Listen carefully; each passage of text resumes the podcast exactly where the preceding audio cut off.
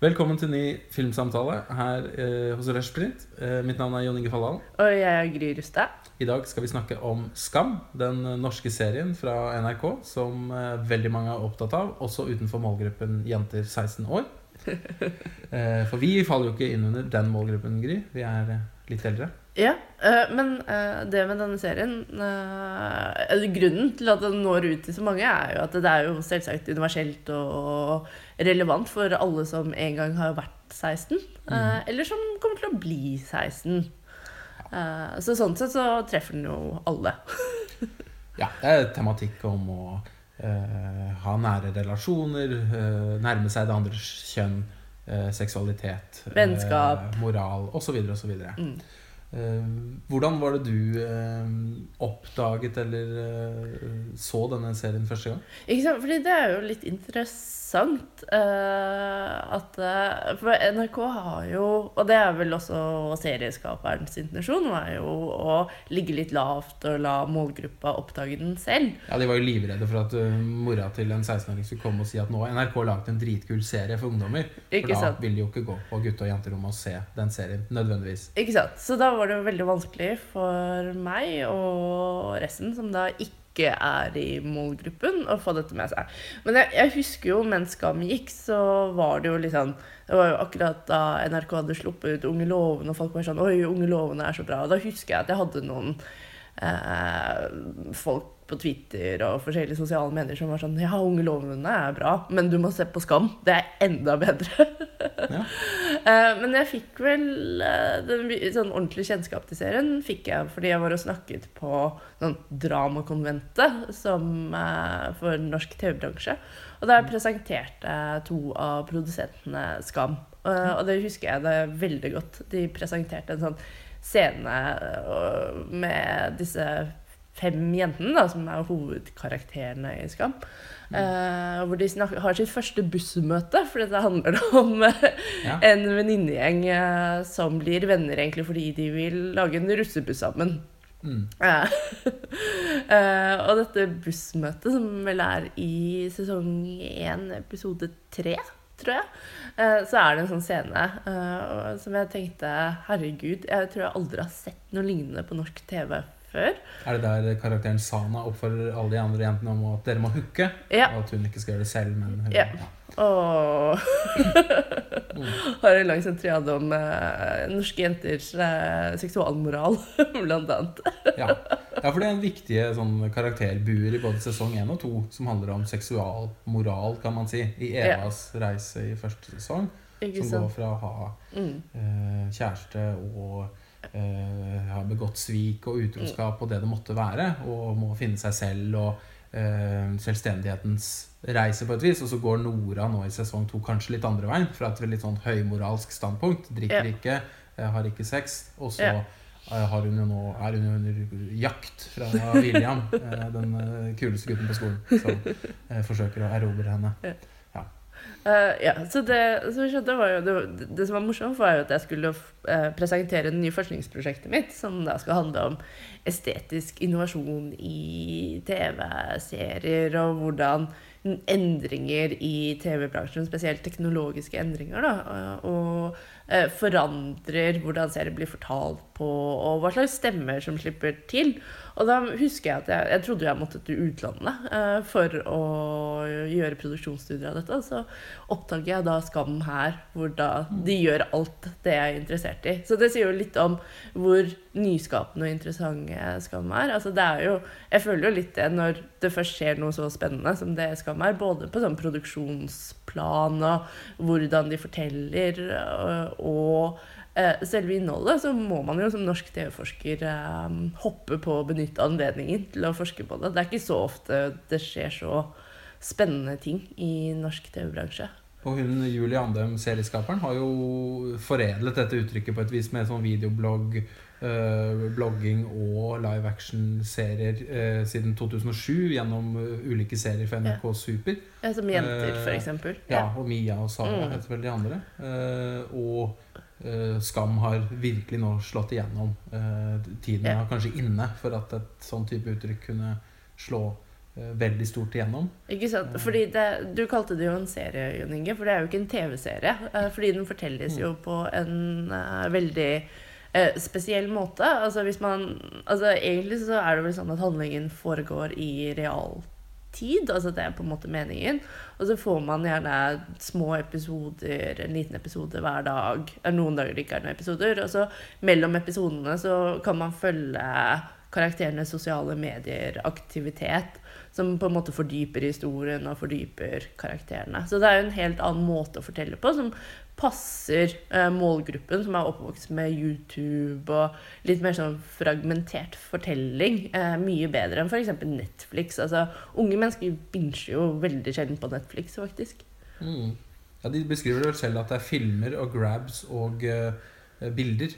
At det er de tre ulike. Man får et Instagram-bilde, eh, eller at man har grabs fra eh, smarttelefon til eh, ja, en av karakterene, hvor man kan se hvordan er det de samtaler. Eksempel nå når de har planlagt en Hemsedal-tur, så er det masse sånn jeg, 'Nå har jeg pakka', og så får vi se et bilde av øl og strikketøy og sånn som karakteren Chris har med seg, f.eks. Mm. Eh, Men du snakket om utlandet. Det har jo vært eh, et annet eksempel som går nå parallelt, som er interessant, syns jeg. er jo dette Horace and Pete eh, til eh, Louis C.K., som fra en helt annet ståsted, fra en kjent kjent standup-komiker eh, og sin egen nettside, lager et helt originalt seriekonsept med ulik episodelengde helt utenfor de fleste sjangere som eksisterer. Eh, jeg syns det er interessant å se at man kan gjøre det eh, fra et sånt eh, kunstnerisk ståsted, men også fra en stor institusjon, Norges største medieinstitusjon som NRK, eh, og klare med eh, mer kringkasteransvaret i ryggmargen, som Andem snakker om. Jeg må jo også Mm. pushe et lite intervju som vi har gjort eh, for Rushprint med Andem. Hun har jo bare gjort to intervjuer, ett med D2 og ett med Rushprint, så dere må lese Med- papirutgaven. Ja. Med Jon Inge, som Ja, da, jeg gjorde intervjuet med Julie Andem. Eh, og hun stiller jo da spørsmålet til å tenke målgruppe. Hva er det vi kan gi disse jentene 16 år eh, som ingen andre kan gi? Og de amerikanske seriene de har ikke den kulturspesifikke kunnskapen, f.eks. Og de har jo ikke da selvfølgelig gjort alle disse intervjuene, speed-intervjuer og dybdeintervjuer, som eh, Andem og hennes eh, research-samarbeidere har gjort eh, i forkant av å lage disse karakterene. Den har en veldig sånn spesiell produksjonshistorie ved at eh, intervjuer og research er gjort først. Så har man laget karakterer. Hun bruker en Laurie Wexlers eh, karaktertypologi til å eh, skissere da disse karakterene. Og så har de blitt castet. Mm. Eh, og i etterkant av det så er det skrevet historielinjer og manuskript. Eh, en relativt uortodoks måte å eh, produsere serier på, så vidt jeg vet. Ikke sant? Det at man begynner med karakterene først. Jeg vil jo si at det er sånn alle serier kanskje eh, burde eh, begynne. Men uh... Og de har jo fått da tydelige eh, historier og eh, karakterbuer som skal løse et eller annet problem, et behov som denne Mm. målgruppen trenger å få eh, sett på. Ikke sant? Selvstendighet, evnen til selvironi, eh, hvordan konfrontere frykt. Eh, hun har isolert eh, ut fra en sånn markedsføringsstrategi, egentlig, eh, som er utviklet ved Stanford, tror jeg. Å finne hva, hva er målgruppens behov, hva er det de trenger. Og dette er da unge jenter som trenger disse og disse verktøyene. Eh, Så en veldig sånn strategisk måte å jobbe på. Eh, Som eh, overrasket meg veldig da jeg skulle gjøre Mm. dette intervjuet. For det har ikke vært så mye omtale, så det var ikke så lett å gjøre research eh, i forkant. Eh, Men for meg var det nesten sjokkerende å høre at å, har det vært gjort på den måten? Jeg tenkte Mm. at her var det et veldig eh, dyktig, eh, tenkende eh, autør som sto bak, og som hadde holdt på å si, laget dette ut fra eget hjerte. Men en veldig sånn grundig målgruppetenkning kan, kan da også resultere i meget uh, høy kvalitet. Uh, Ikke sant? Og ikke minst uh, da karakterer som man kanskje ikke ser så ofte, eller i karakteren Sanna sin, sitt tilfelle aldri har sett på norsk TV før.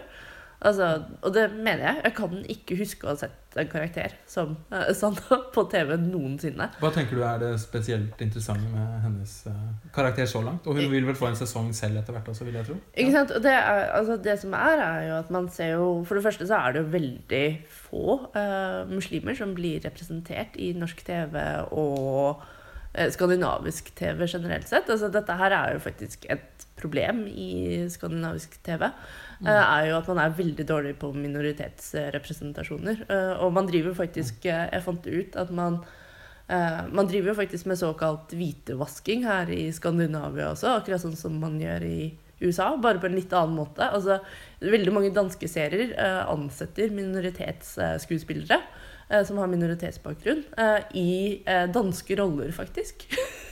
Hvor de spiller da etnisk danske roller, som egentlig er ganske interessant. Så bare det i seg selv, at man ser en muslimsk karakter um, som ikke faller inn i noe som helst sånn stereotyp av uh, islamske karakterer, er jo uh, veldig nyskapende i seg selv.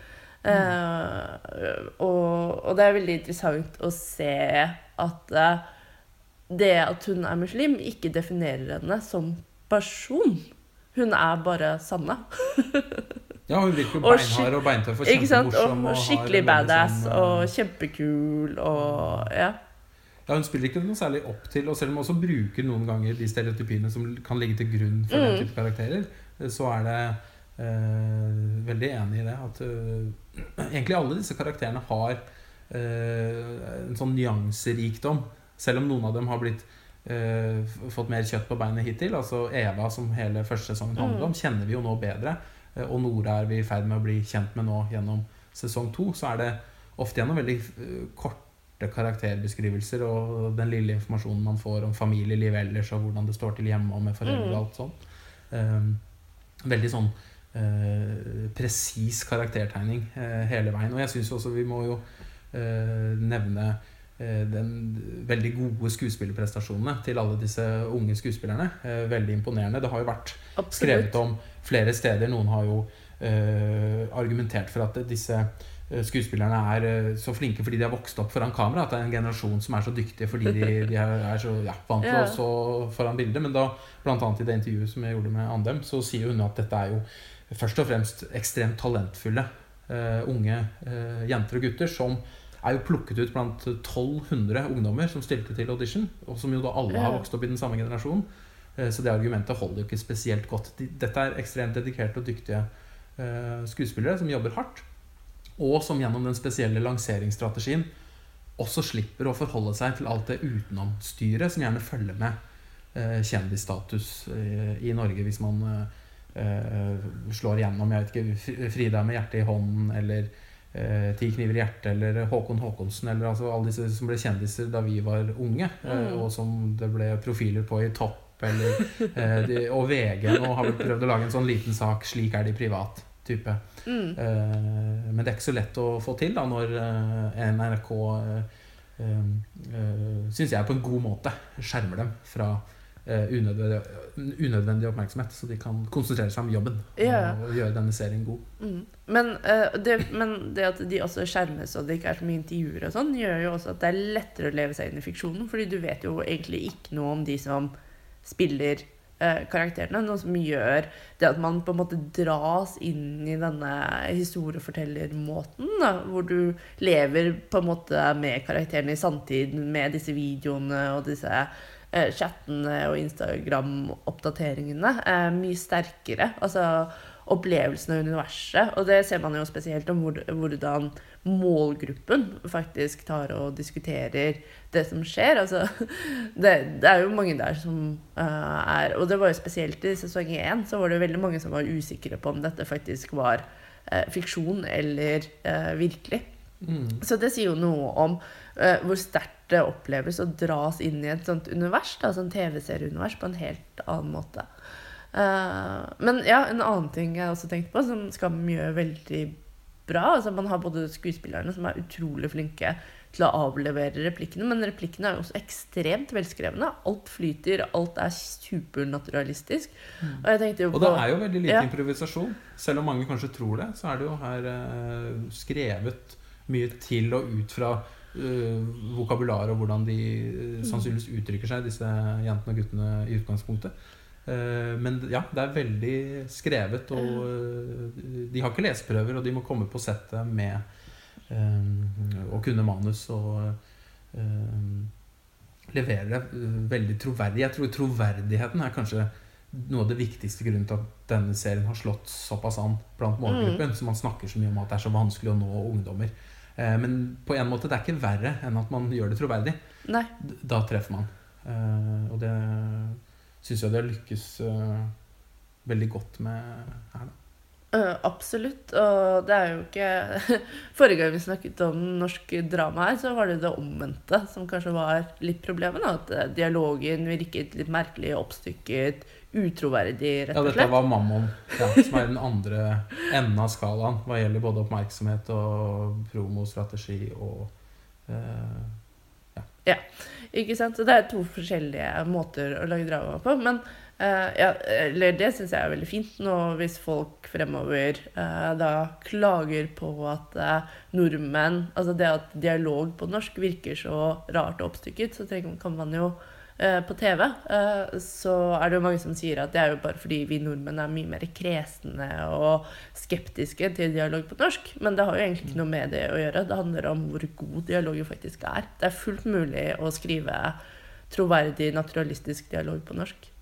Ja, og det er jo heller ikke det at den, den må være eh, Det kan jo finnes sjangerunivers som har sin egen Absolutt. vokabular. Det er ikke det vi forsøker å argumentere Nei, nei, for nei. her. ikke sant? Men den, eh, denne type interessante sjangerblandinger. Du har Mm. sosialrealisme, du har sitcom og du har såpe i en sånn fin blanding i eh, Skam, som allikevel klarer å F.eks. i lege-helsesøster-scenen i Ja. første sesongen, som er mer sånn situasjonskomedie, eh, som jo er skrevet på den måten. Og, og sånn sett jo, har noen knepp, noen hakk unna den sosialrealismen ellers. F.eks. Mm. da Eva ber om unnskyldning og begynner å gråte i en veldig sterk scene på slutten av sesong én. Som er mer enn eh, sosialrealismen som vi eh, Mm. eh, kjenner igjen også fra annen norsk film eh, av høy kvalitet de senere eh, årene. Um, det tenkte det var én ting vi eh, kan komme inn på eh, hva gjelder eh, de estetiske konsekvensene av denne spesielle produksjonen. Fordi eh, ditt postdoktorprosjekt også, Gry, handler jo vel om det. Hvordan det legger føringer. La oss si, ok, sånn som i denne serien, du har en uke, du skal ha episoder hver dag. La oss si mandag til fredag, og så samles de opp fredag til en, en hel episode. Og her synes det jo akkurat Skam å være i en slags utvikling synes jeg, mellom sesong 1 og sesong 2. Eh, hvor det var tydeligere avgrensede eh, dagsscener med en tydelig cliffhanger. Eh, mandag, tirsdag, onsdag osv. Eh, mens i, i hittil i sesong 2 så har de, vært litt mer baktunge episodene, hva, hva gjelder minutter i hvert fall. Hvor vi får en større klump fredag kveld.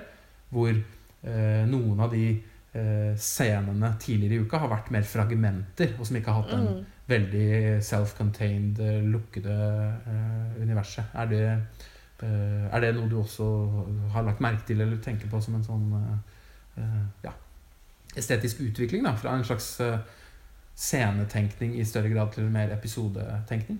Mm, ja, mulig. Men det, det jeg liker med eh, formatet, er jo at man kan leke litt med det og eh, gjøre det litt sånn som det passer, tenker jeg, til historien, til karakterene, hvor de befinner seg. Og det er mer det hvordan det fortelles i eh, samtid jeg syns er mest eh, interessant. Altså, nå er det jo Nå er jo uh, utenfor å, Utenom å komme for mye inn på det nå, vi kommer til å ha et litt mer sånn spoilersegment senere, hvor vi går mer konkret inn på karakterene og, og handling, uh, er jo at um, uh, uh, Mistet jeg tråden? Da kan vi klippe til noe annet, og så kan vi uh, komme tilbake til det. Selv om det klarer vi jo ikke, for vi er ikke så teknisk flinke at jeg klarer å klippe. Nei, nå men tenkte jeg tematisk her i podkasten et, Vi kan ta en liten omvei via noen filmvitenskapelige begreper som jeg syns er interessant å se denne serien opp mot. Jeg planlegger bl.a. å ha et sånt seminar i høst i forbindelse med et kurs som heter Alternativ film på Universitetet i Oslo, som jeg, begge vi to underviser i. Uh, eh, hvor det er begreper om motfilm, eh, som er et filmteoretisk begrep, og feministisk film. Eh, og så er det også et interessant sitat av en amerikansk filmprofessor som heter Robert Stam, eh, som eh, argumenterer for eh, det at eh, når man lager eh, fiksjoner som har en politisk eh, eh, agenda, eller en slags eh, eh, ting man ønsker å komme frem med. altså Sånn som dette kringkasteransvaret i NRK. Hva kan vi gi denne målgruppen? Hva er viktig for dem å få? Eh, Så må det gjøres med eh, noe behag og begjær. Eh, Og det Robert Stam skriver, er jo da at to be effective, films and social movements must offer their quantum of pleasure and desire, something to discover or see or imagine, a glimpse of what, as Nina Simone put it in a song, it feels like to be free. Så filmer, da, eller en serie som denne, må gi eh, en mengde eh, behag og begjær. Altså det er noe vi må kunne oppdage, se eller eh, forestille oss eh, for at vi eh, skal bli så å si med på denne eh, underliggende sosiale endringstankegangen. Og her tenker jeg det er mye feministisk tankegods som ligger til grunn for Skam. Jeg syns særlig den episoden som per dato gikk sist fredag, hvor eh, Nora tar den akustiske gitaren på nachspielet eh, og setter seg i den tradisjonelle guttedusjrollen, spør du meg.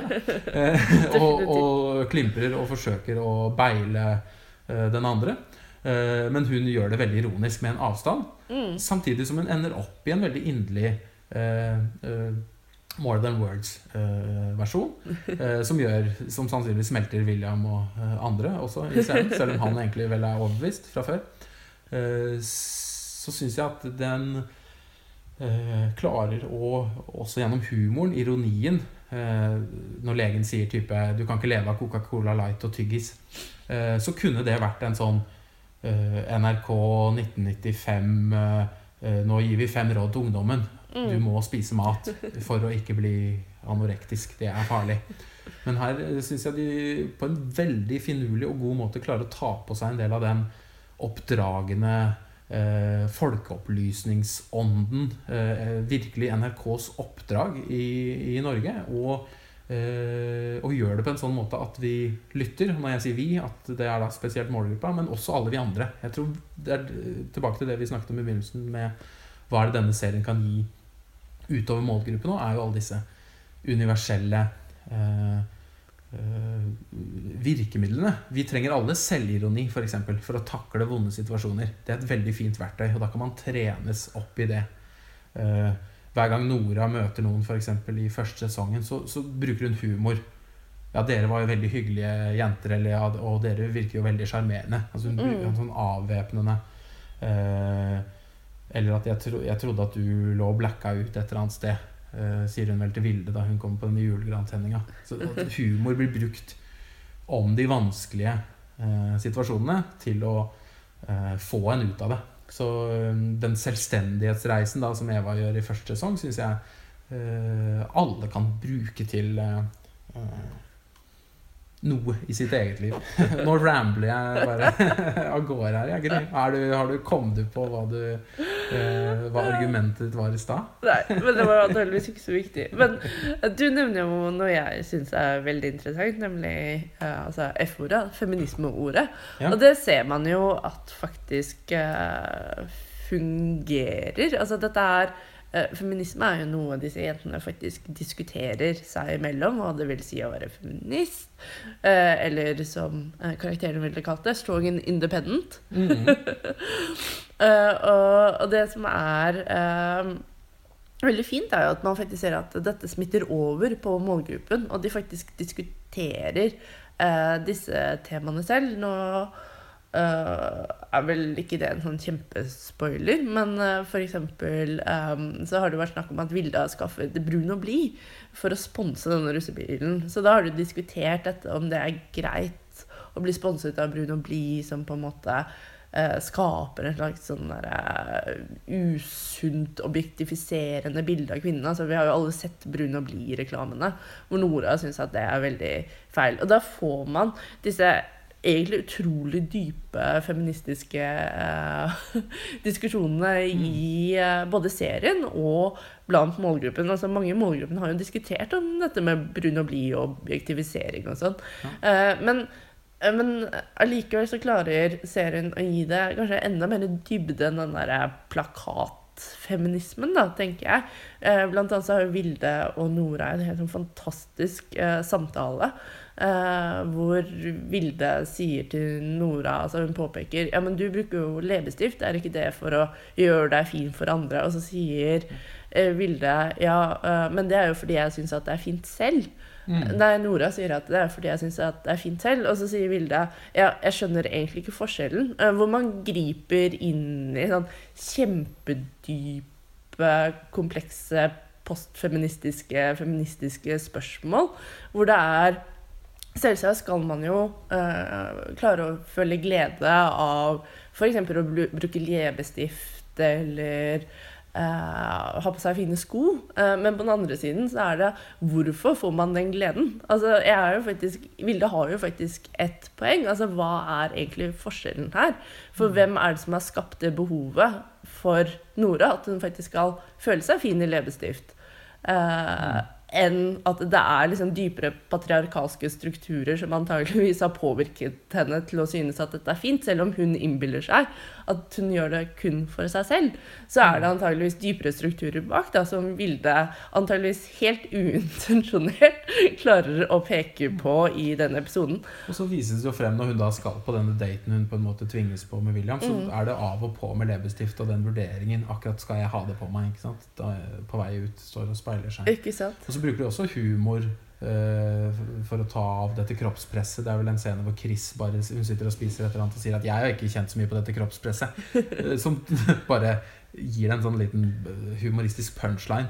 Eh, som eh, jeg syns fungerer veldig godt. Og så tenker jeg altså disse jentene får jo lov til også eh, å, å ha dette dette begjæret og denne, dette objektet altså Et av de mest brukte ordene er jo ham, eh, i hvert fall i første sesong. At de snakker mye om gutter, og det er det det handler om i dette universet. Så Mm. nå, nå ville jo kanskje denne serien sannsynligvis eh, bestått denne Bechtel-testen, f.eks. At de snakker om andre ting enn gutter.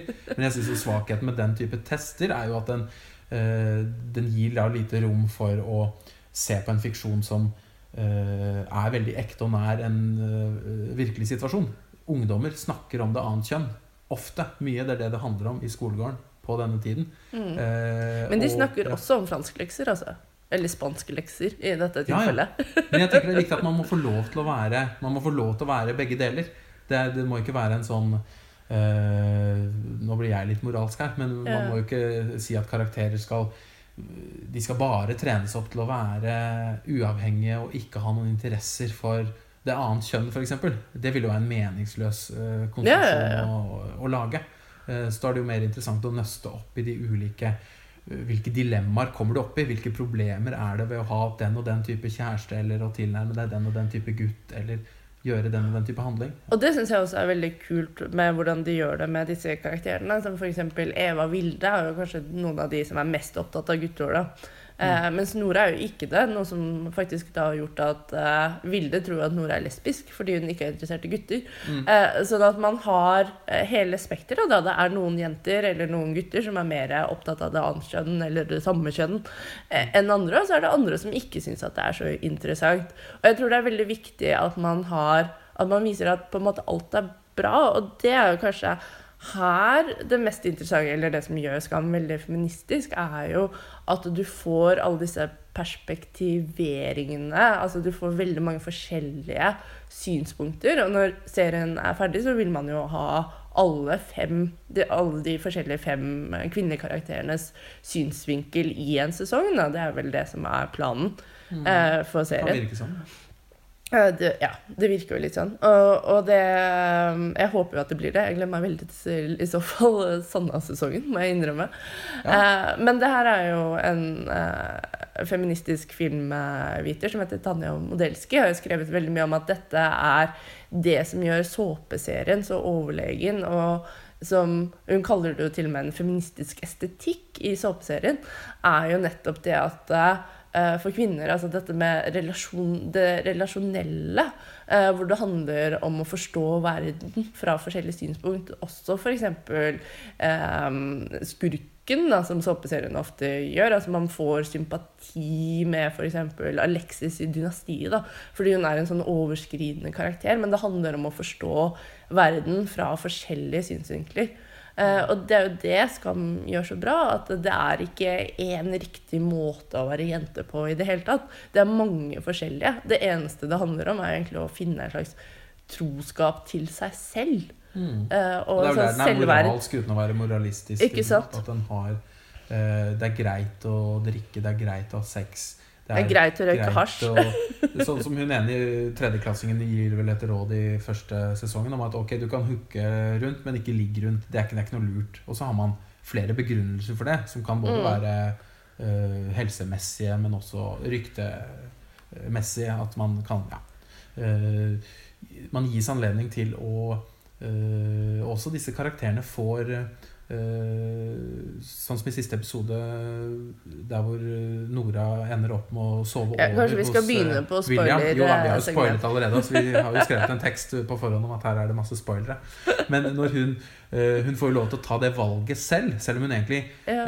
av alle utenom hendelsene i denne episoden ender opp med at ok, jeg får ikke kommet meg hjem fra denne festen. Jakka mi er borte, jeg har ikke mobilen og nøkler og mm. kommer meg ikke hjem midt på natta. Her, nå må jeg sove over. Oh shit, hva gjør jeg nå? Eh, men så får hun likevel anledning til å reise hjem, for ting løser seg. Så tar hun valget og ljuger og sier at 'nei, jeg får ikke reist hjem', og så blir hun værende. Uh, ofte er det en veldig, uh, jeg synes en veldig avansert måte å bedrive karakterisering på, hvor vi hele tiden får se disse jentene ta valg. Altså de, de, tar sine egne valg, og, og kanskje ikke er de så gode og kloke ut fra en eller annen sånn Eh, foreldremessig fasit.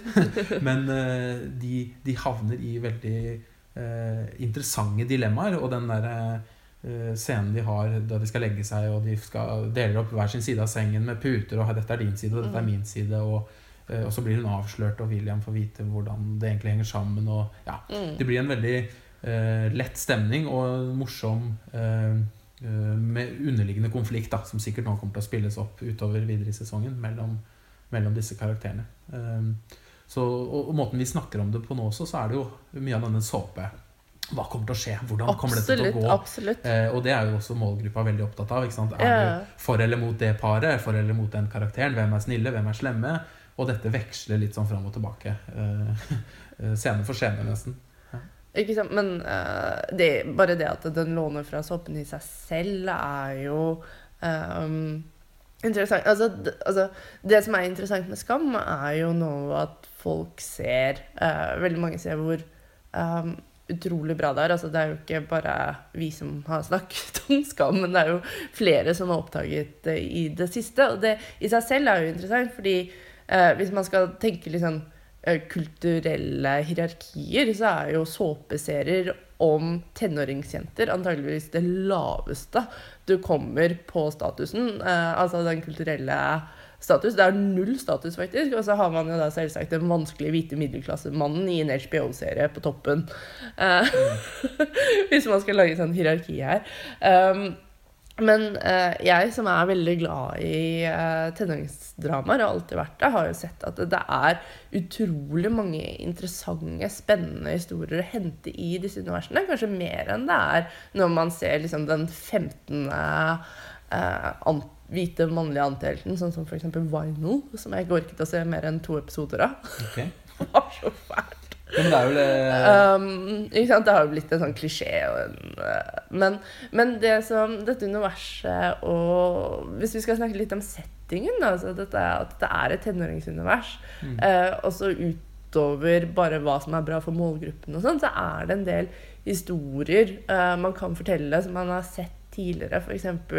i Buffy, i Veronica Mars. Altså Nora er jo en slags blanding av Buffy og Veronica Mars, som kanskje er to av de kuleste kvinnelige heltinnene på TV uh, noensinne, som har liksom vært hovedperson i sin egen serie. Fordi greia er jo at det her er sjangeren som kvinner får lov til å være uh, protagonistene i. Eh, tradisjonelt så har det jo vært såpeseriene, ungdomsseriene, denne type serier. Eh, ser nesten, det ser man jo egentlig også i norsk film. Altså, det er jo utrolig mange eh, kvinnelige jenteprotagonister eh, i norsk film. Kanskje mer enn hvis man tar voksenfilmen, så tror jeg man vil si at det er flere eh, kvinner, kvinnelige eller jenter Og da vi var unge, så var det Ja, mange på 90-tallet f.eks. med Frida og Høyere enn himmelen og Søndagsengler. Og, eh, og etter hvert på 2000-tallet så har man jo fått sånn eh, Bare Bea og Få meg på, for ja. faen og eh, den slags. Og nå for en litt eldre målgruppe, Unge lovende eh, fra i fjor. Så eh, det går jo også igjen den sterke norske og nordiske tradisjonen egentlig for sånn coming of age-dramaer på et vis. Den har jo én fot i den, Mm, eh, den leiren også. Eh, men uten å ha de eh, eh, Ja. eh, det, vil vi jo ikke få vite før om 10-20 år, da, hvordan denne leses og ses eh, som et veldig sånn eh, dated tidsbilde. Men jeg vil jo Mm. tro den vil holde seg bedre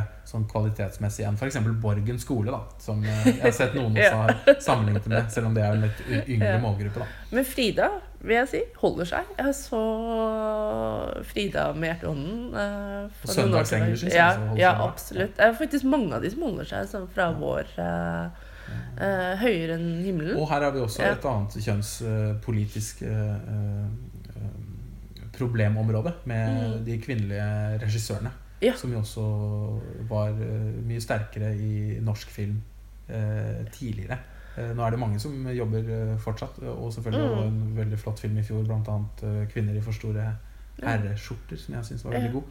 Eh, men den Berit Nesheim, Torunn Lian-generasjonen, de eh, Den type film tror jeg det også ville vært plass til nå, hvis de hadde fått lov til å lage den, eh, både Mm. yngre og eldre. Spesielt av kvinnelige regissører. Det er ikke, Mm. det er ikke utelukkende at de må Jeg synes jo En av mine favoritter er en kjærlighetshistorie av Roy Andersson fra 1970, som jeg syns skildrer ungdomstiden, være 14-15-16 og forelsket, på en perfekt måte. Så det er jo på ingen måte kjønnsspesifikt. Eh, Absolutt. Men eh, det er noe påfallende med Mm. den dominansen innenfor de kvalitetsverkene. Da. Absolutt. Og, men man ser jo også det i eh, TV-drama i Norge. Altså eh, 16 eh, Altså av de siste 16 NRK-produksjonene så har jo to blitt skapt av kvinner. Og det er jo da Skam og Unge lovende. Eh, og begge de er jo egentlig lagd for web. Altså Det er jo ikke blitt lagt noe prestisje i de Altså Kvinner får jo ikke lov til å komme inn i primetime. Der må vi nøye oss med sånn type Mammon og sånn. Eh, mens eh, mens eh, man ser jo også Jeg håper jo at suksessen til både Skam og Unge lovende gjør eh, videre at kanskje NRK tenker litt mer på å satse på unge kvinner som serieskapere. da. Det virker jo som at det har vært veldig effektivt. Begge seriene har fått veldig god mottagelse. Og kanskje spesielt Skam har fått ekstremt god mottagelse. Ja, det virker jo som nå, sånn jeg forstår i hvert fall de som øh, forstår seg på tall og seertall og den slags, at den er den, en av de mest suksessrike nettseriene noensinne for NRK. Så uh, utover det at den er en enormt kvalitetsrik serie, så har den også en kommersiell appell. Da, at den når mange. Uh, selv om dette er jo ikke laget for å tjene penger, og alle de som er super blodfans av denne serien, har jo ikke behøvd å betale en krone for å, for å følge dette universet. De må jo ikke gå ut og kjøpe dukker eller hva skal vi si, betale Altså dette er, eh, Ja. dette er noe du får Du må betale lisens, da, Ja. sånt, og så får du dette uh, gratis. Og målgruppen slipper vel strengt tatt det.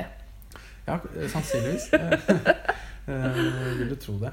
Og jeg tror jeg skrev en anmeldelse av denne serien for Dagbladet og ga den en toppkarakter. Og syns jo den uh, tegner til å ha et sånt kulturelt nedslag som veldig få tidligere ungdomsfiksjoner har hatt. At det kan bli Mm. sittende og værende i den generasjonen som opp, eh, oppdager det og vokser opp med det. Litt sånn som kanskje Frida var for noen jenter i min generasjon, eller jeg vet ikke, Stumpa var for besteforeldregenerasjonen. besteforeldregenerasjon. Altså en eller annen tidligere ungdomsfiksjon, eller Himmel og helvete for noen som så den. Eller, eh, og jeg tror ikke det er for store ord å eh, ta i at dette er en sånn viktig eh, kulturhistorisk begivenhet, rett og slett, vil jeg si. For, eh, spesielt for ungdomssegmentet. De har jo vært sultefòret. Eh, eh, NRK Super gir eh, mye opp til 13 år eller noe sånt, og P3 gir gjerne fra 18 og oppover.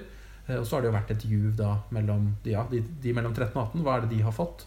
Eh, og der har jo kanskje NRK ikke gjort jobben sin eh, på mange år med å gi ungdommen og ta ungdommen på alvor. Mm. Eh, så det er jo, det er jo faen meg på tide, for å bruke et eh, banneord. Ja. Og, så er, det- ja. Eh, ja. og så er det veldig hyggelig at vi som er over målgruppen, også kan få glede av det, da, selvsagt. Ja, absolutt. Jeg så igjen her om dagen en ungdomsfavoritt i en fucking Åmål, som jeg ikke hadde sett på Mm. mange mange år. Og den sto seg utrolig sterkt, også som, å se nå som ja, en del av foreldregenerasjonen. Jeg har en liten datter. At man kan se disse verkene fra ulike tider eh, i livet. Eh, Og jeg tror akkurat denne serien kan du se som 12-åring, se som Mm. 16-åring, se som 26, se som 36 og 86. Eh, Jeg ser jo fremdeles Buffy og Friday Night Light sånn med jevne mellomrom. Ja, du er veldig tro og veldig glad i Du er veldig lojal mot de seriene du setter veldig høyt òg. Veldig. Det er bra. Eh, og den har en fanbase som er veldig dedikert. Det er jo enorme diskusjoner omkring Skam. Ja. Siden forrige episode så har man jo ventet på frokostepisoden lørdag morgen. Som ikke har kommet, ikke har kommet, ikke har kommet. Uh, og nå kommer det et bilde av at de er på vei til Hemsedal på påskeferie. Så nå innser de jo kanskje at det ikke blir noen frokostepisode. Det Og uh, nå kan man jo da gå inn uh, og se på siden. ikke sant? Hvis jeg går inn nå, nå prøver jeg å refreshe, nå prøver jeg å være som en del av fansen og se om det har kommet noe nytt. Nei, nå er det mandag Ja. 9.07 som er ja, et siste bilde som har kommet av at de er på vei til eh, ferie. Så det blir spennende å se hva denne episoden eh, vil gi. Men ja, og det må jeg si, og det er kanskje den største gleden med Skam, er jo at selvsagt så har de jo da innholdet. De har kjempegode, komplekse karakterer. De har morsomt manus altså, som drar deg inn. Altså alt er liksom, Kvaliteten er top notch. Eh, men så er det denne måten de forteller på, da, som jeg merker jeg blir revet så med. Altså jeg føler meg faktisk som- som 14-åring. Jeg sitter jo og refresher denne Skam-siden flere ganger om dagen. Jeg også. Altså, den, klarer å ja, treffe eh, den dagens måte å være eh, konsument av eh, fiksjonsserier på en veldig sånn mangefasettert måte. Du kan, få, du kan følge med litt her på Instagram, du kan eh, jobbe på Facebook og Mm. refreshe der, og du kan sitte på den siden og diskutere på skam.no. Med andre seere. Altså, det er Altså, de fanger jo bruken av sosiale medier eh, veldig godt. Altså, det blir på en måte altså, skam både i serien og i hvordan de bruker sosiale medier, hvordan fansen bruker sosiale medier, skaper jo et slags rom uh, hvor man på en måte kan gå inn, leke med det å bli voksen. Altså, jeg kommer jo over Det er fantastisk sånn eh, liten chat på siden hvor det var en ung jente som altså Det var jo etter episoden hvor de hadde snakket om oralsex. Ja. Eh, hvor eh, det er en sånn ung jente som bare Er det godt å bli slikket? Og så kommer det opp sånne der, helt nydelige svar fra litt eldre jenter. Sånn Ja, det er veldig godt, men bare med noen du stoler på. Og så er det en som sier Ja, men jeg tror kanskje du er litt for ung, og jeg tror det blir bedre når du blir litt eldre. Og så er det noen som bare Ja, det er kjempegodt og kjempedeilig. Altså, det er bare sånn oppbyggende og fint. eh, mm. på en måte jeg har sett, sånn Uten å dømme, da. Hvor vi kommer tilbake til at denne serien dømmer jo ikke. Og i scenene da fra f.eks. kvinnedagen 8. mars, så var det jo også en sånn uh, oralsex-slikke-diskusjon de hadde. Ja. Hvor det er vel Vilde som spør om Ja, men du sa vel at norske gutter slikker jo ikke. Og de har noen sånne eh, interessante påstander som, blir, uh, som både kan tolkes som et sånn feministisk statement, Mm. og det er vel Chris-karakteren som Ja. sier ja, vi gir blowjobs i ja, hele tiden. uh, og får ikke noe tilbake. Så man, man har hele tiden et sånt avansert kart som tror jeg passer godt med terrenget nå i dag. Hvordan ungdommer også snakker kanskje mer eksplisitt enn tidligere også om Mm. Eh, disse delene av tilværelsen. da Ja. Seksuallivet. Til og med mer enn da, da vi var eh, unge. Selv om jeg, jeg tror også vi Snakket snakket, mer om det enn vår foreldregenerasjon osv. Absolutt. Eh, men eh, den, den åpenheten eh, Skam har eh, mot tematikk som kan være vanskelig og sårt og sånt, tror jeg, for å komme tilbake til det, og nå skal vi avrunde straks, eh, gir den en veldig eh, styrke. Eh, og eh, tilbake til det at det er, den serien er først og fremst laget for målgruppa. Dette handler om eh, å treffe Mm. jenter 16 år. Eh, det er egentlig det samme hva sånne som deg og meg syns om dette ja. mener, og vi kan slenge oss på. Vi kan få lov til å være med på Ja. karusellen. Men eh, Forske litt og sånn. jeg- Men, eh, men en av de tingene jeg lurer på apropos på dette med målgruppa For jeg har jo lagt merke til at veldig mye av soundtracket er jo sånn skapt uh, for meg. Altså det er som å se altså, Nå har jeg ikke det lenger, da, men å gå inn i min egen CD-hylle og se hva man har. Altså, det var jo en episode her som hadde uh, to sanger av to av mine sånn, favorittband, altså New Order, hvor Jonas får sånn Hero Walk fordi han har fått en av jentene til å komme. til Blue Monday, uh, som var kjempemorsomt. Uh, og så har man jo også en scene satt til Joy Division, uh, hvor Sanna ser et sånn annet crew da, med forloveden til Mm. broren sin. Hvor det har vært veldig mye sånn slow-mo eh, walking i skolegården Mm. til nå, har det ikke det? Det har vært veldig kult. Altså. Både av karakterene sånn Og det er jo typisk. Det har vært uh, guttegjenger man tidligere har sett ofte Ja. i fiksjoner som går som Ja. helte Hero walk, som du kaller det. ikke sant? Ja. Eh, I slow motion. Og her har du hatt disse jentene ved flere anledninger. Eh, også Ja. når de også spyr og blir båret Ja. hjem eh, til Ja. denne jorden i første sesongen. Men musikken Altså, jeg, Ja. ja, den, den Jeg lurer på hvor mye den treffer. Er det også en del av det oppdragende elementet til NRK her? Å prøve å få kidsa til å høre på Joy Division? I så fall så er jeg veldig for. Det er jo eh, Nå kjenner ikke jeg det så godt altså, Det fins jo så mange subkulturer nå sikkert blant ungdommer hva de hører på av musikk. Ja. Men jeg har jo en eh, opplevelse av at mye av den eh, I hvert fall dance, drit, eurodance-musikken og sånn fra 90-tallet, og fortsatt spilles på type russefester og ja. sånne ting. Og mye av ja. Postgirobyggets idyll synges Ja. jo og det er eh, så det er vel et sånt omdreiningspunkt omkring 1994 rundt der More Than Ja. Words og noen av disse Love Is All Around som ble spilt nå. Eh, som kan Nora, både ja. tolkes som en ironisk gest fra Nora, Mm. eh, eventuelt eh, ektefølt Ja. samtidig. Så der er det noe med den der postmoderne pastisj-tankegangen. At man kan både ha en litt avstand og allikevel Mm. hylle det man uh, setter opp og frem. Uh, uh, og Mm. musikken er vel også, kan vel også bruke seg fordi den, det legges ut på nett og har egne typer rettigheter. Så det ville vært vanskelig å få utgitt dette på Ja. DVD eller Blu-ray, vil jeg tro, hvis du har Justin Biebers sang, f.eks. eh, første sesongen. Sånn som de her. Ja. Ja, det var jeg litt overrasket over at Nora ikke spilte når Justin Bieber for William. Men det er kanskje litt lite kred, da. Og det vet vi jo at det er viktig i dette universet. Det er jo kred. kred er viktigere enn spenn. Ja. Og man svikter aldri vennene sine, og det er mange andre sånne Ja. eh, gode ting man kan få med seg her. Og i stedet for å sette opp ti bud og Ja. lese de opp med kjedelig stemme på nynorsk, Ja. så har NRK laget en fantastisk fin ungdomsserie som treffer eh, ulike sjangerinteresser og eh, sensibiliteter hos eh, seeren. Og det har vi nå snakket om i nesten 50 minutter. Ja. Det er mye å snakke om. Det er en dyp serie. Altså, den er veldig mangefasettert. Så vi kunne jo ha snakket om dette i timevis, men det skal vi jo ikke gjøre. Nei, i hvert fall ikke akkurat nå. Men det vil vel bli anledning i årene som kommer, får vi håpe, da. Hvis vi får lov til å følge disse jentene gjennom eh, videregående. Ja, det hadde vært veldig fint. Vær så snill, NRK. Lag mer. Vi vil ha mer. vi og 16-åringene vil definitivt ha mer. Please. Det er det man sier. Eh, men takk for oss for denne gang. Vi Mm. kommer med en ny uh, podkast i april. Etter påske en gang, tenker jeg. Ja. Mm. Så Det her har vi jo ikke gjort før, men eh, kanskje eh, hvis det er noe dere har lyst til at vi skal snakke om, så er det jo mulig å komme med eh, forslag. Eh, og da kan dere jo f.eks. tvitre til oss. Meg finner dere på GryCR. mm, Og du er vel At Falldalen, tror jeg det heter. Mm, Ja.